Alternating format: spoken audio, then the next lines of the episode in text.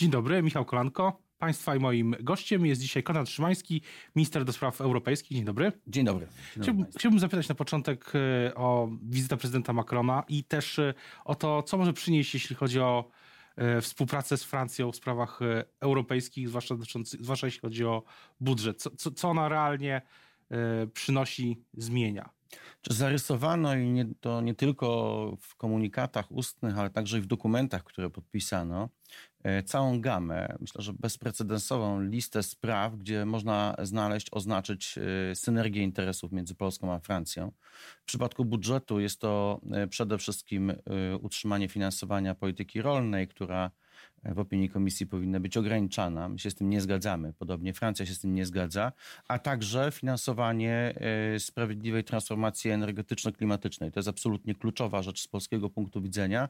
Jeżeli mamy podjąć działania w tej sprawie, musimy mieć sprawiedliwe reguły tej gry, e, biorące pod uwagę fakt, że Polska jest w całkowicie innym położeniu niż wiele innych państw, które dzisiaj najgłośniej bezwarunkowo domagają się e, kroków o bardzo radykalnym charakterze, ale nie redukował ograniczałbym tej wizyty tylko do budżetu, bo w kwestiach europejskich wyraźnie zaznaczono możliwości współpracy w kwestii polityki obronnej. Po tym, co usłyszeliśmy, jeżeli chodzi o prawdziwy stosunek E, prezydenta Macrona do przyszłości NATO, do roli NATO, do tego, po co Europa ma czynić więcej w, w bezpieczeństwie zewnętrznym. Z całą pewnością ten kontekst jest znacznie lepszy. I ostatnia sprawa to polityka przemysłowa.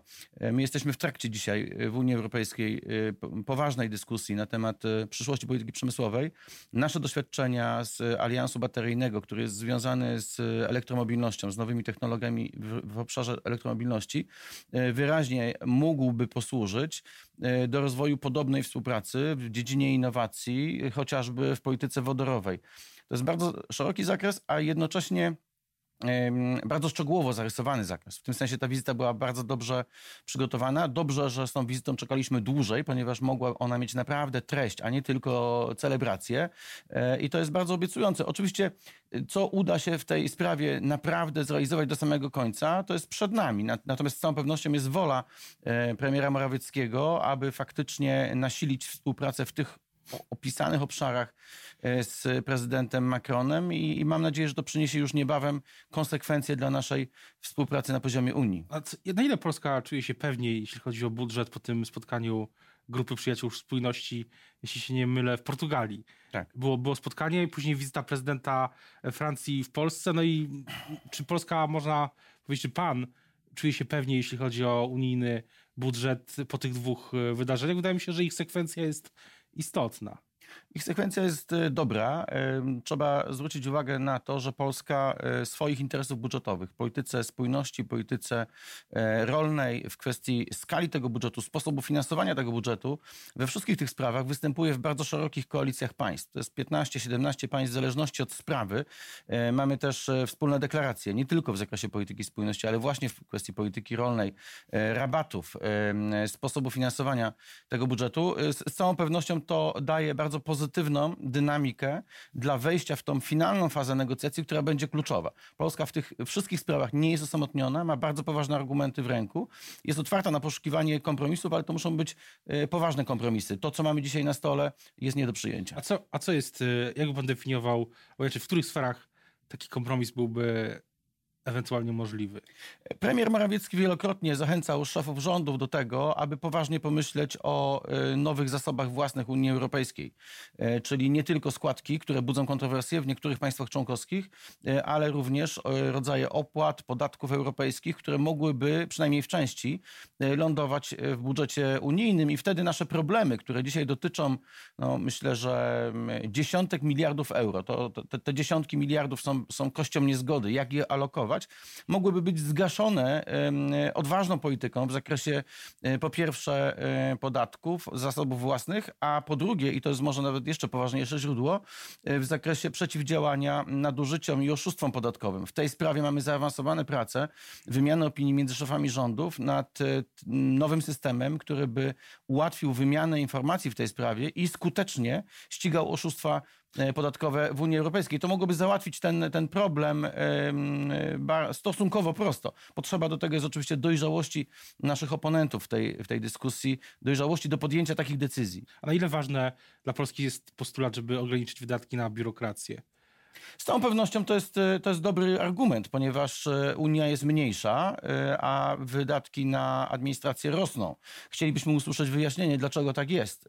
W tej sprawie wydaje mi się, że powinniśmy poważniej podchodzić do, do obsługi całej Unii Europejskiej i nie przyjmować automatycznie w ciemno każdej sumy, która jest nam podsuwana poniekąd przez administrację unijną. Czy, czy, czy to jest w jakimś sensie, tak, tak ktoś może zapytać, czy, czy to jest w jakimś sensie przejęcie roli Wielkiej Brytanii przez Polskę? Nie, Polska nie przejmuje niczyjej roli w żadnej sprawie. Polska ma własną rolę w, w Unii Europejskiej, ma własną e, hierarchię priorytetów, hierarchię interesów i realizuje swój własny plan. Ja e, po 15 latach w szczególności członkostwa w Unii bym, bym nigdy nie, nie przypisał się do, do teorii, że Polska ma odgrywać rolę takiego lub innego kraju. Polska ma polską rolę w Unii. Wracając jeszcze, myślę, że nasi słuchacze, widzowie mogą się zastanowić, zwłaszcza osoby, które nie śledzą może tak e, mm, na co dzień mandrów europejskiej polityki, mogą się zastanawiać nad jednym.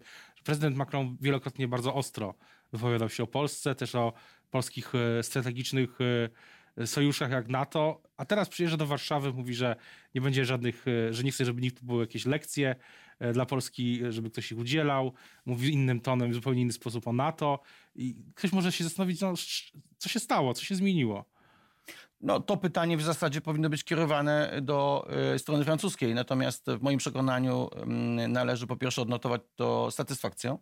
Y, czekaliśmy na tą wizytę długo, przygotowywaliśmy ją, ją długo, ona dojrzewała długo, ale to był, był sens poczekać, ponieważ ona nie tylko miała treść, ale również wydźwięk jej jest, jest zdecydowanie lepszy niż by mógł być chociażby rok temu, więc, więc należy po prostu to odnotować satysfakcją. Myślę, że najważniejsza rzecz, która wybrzmiała także w trakcie tej wizyty, to fakt, że wchodzimy w nowy etap Unii. Unii bez Wielkiej Brytanii, Unii, która musi pokonać swoje problemy, które są wciąż nie, nierozwiązane, niepokonane.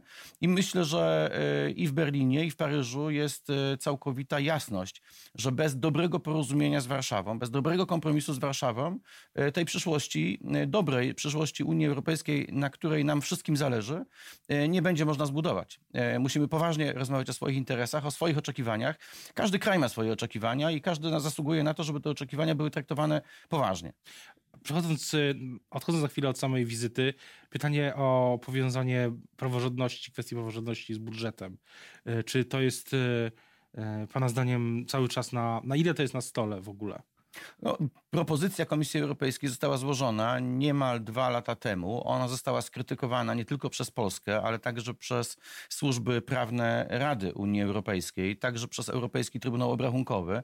Ta propozycja w tym wymiarze, bo co do zasady obrona interesów fiskalnych, walka z korupcją to jest coś, co my chcemy sami promować. To jesteśmy absolutnie za tym. Natomiast w tym jednym aspekcie, prawda, nieokreślonym aspekcie warunkowania wydatków e, stanem praworządności, to wymaga po prostu uściślenia, ponieważ ten tekst e, robi wrażenie tekstu politycznego, stwarza e, olbrzymie ryzyka prawne dla wszystkich, nie tylko dla Polski i wymaga po prostu zmian.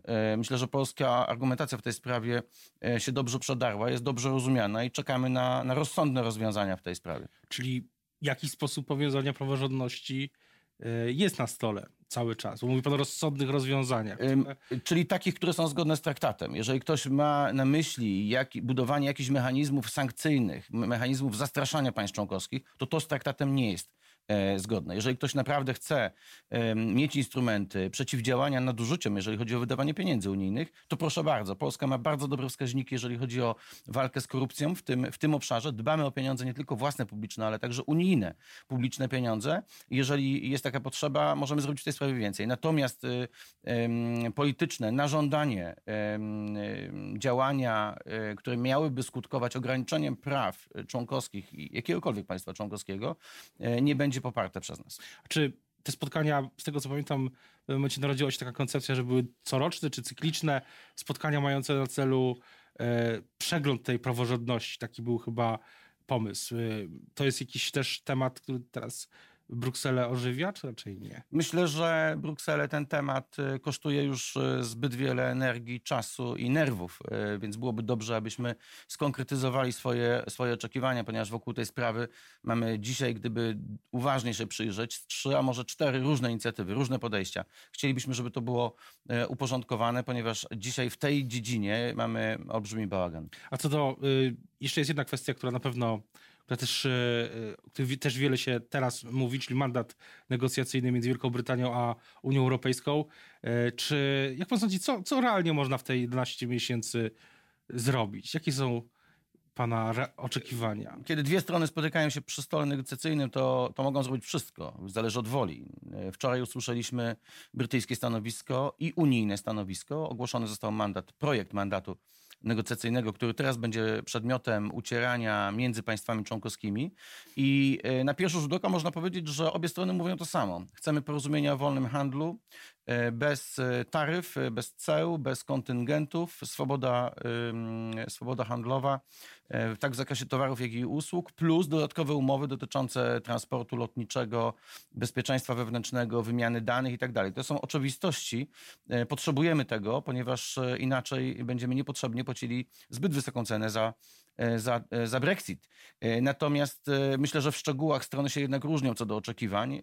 Przedmiotem kontrowersji, napięcia, mam nadzieję, napięcia do opanowania, będzie po pierwsze e, dostępność rynku finansowego dla podmiotów brytyjskich, z drugiej strony dostępność rynku rybołówstwa dla podmiotów europejskich. To jest bardzo, obie sprawy są bardzo wybuchowe i będą przedmiotem największego napięcia negocjacyjnego.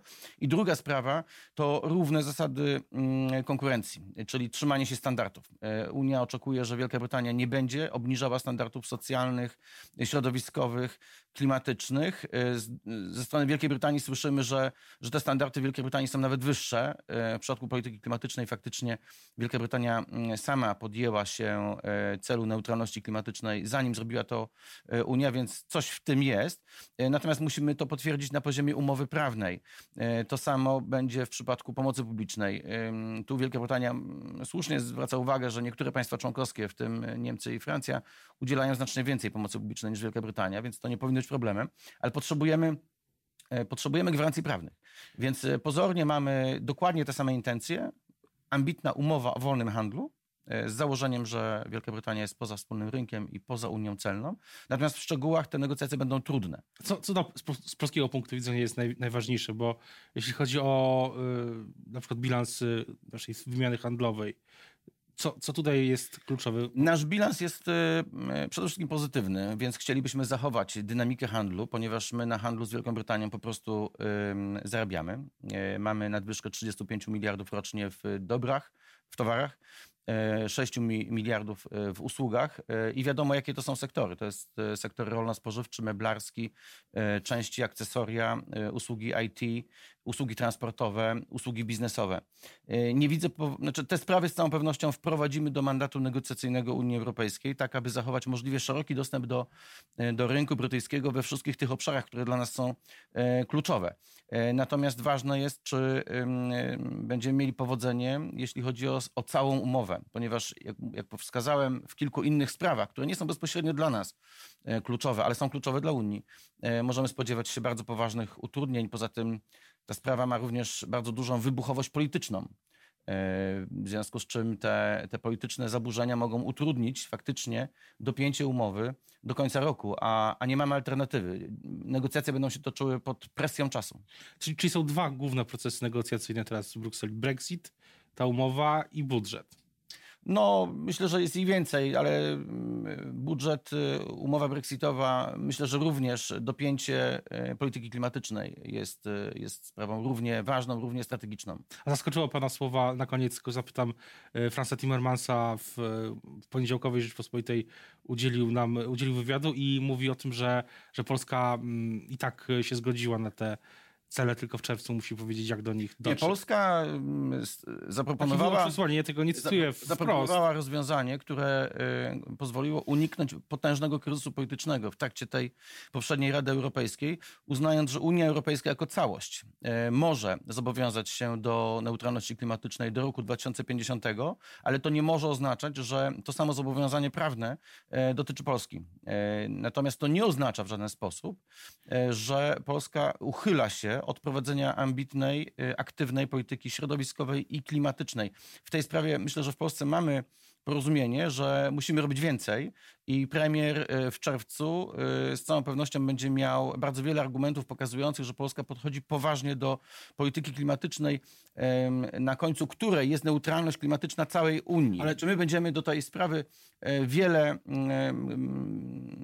kontrybuowali, prawda? Znaczy redukcja emisji w Polsce, czyli istotnej części Unii, E, będą malały.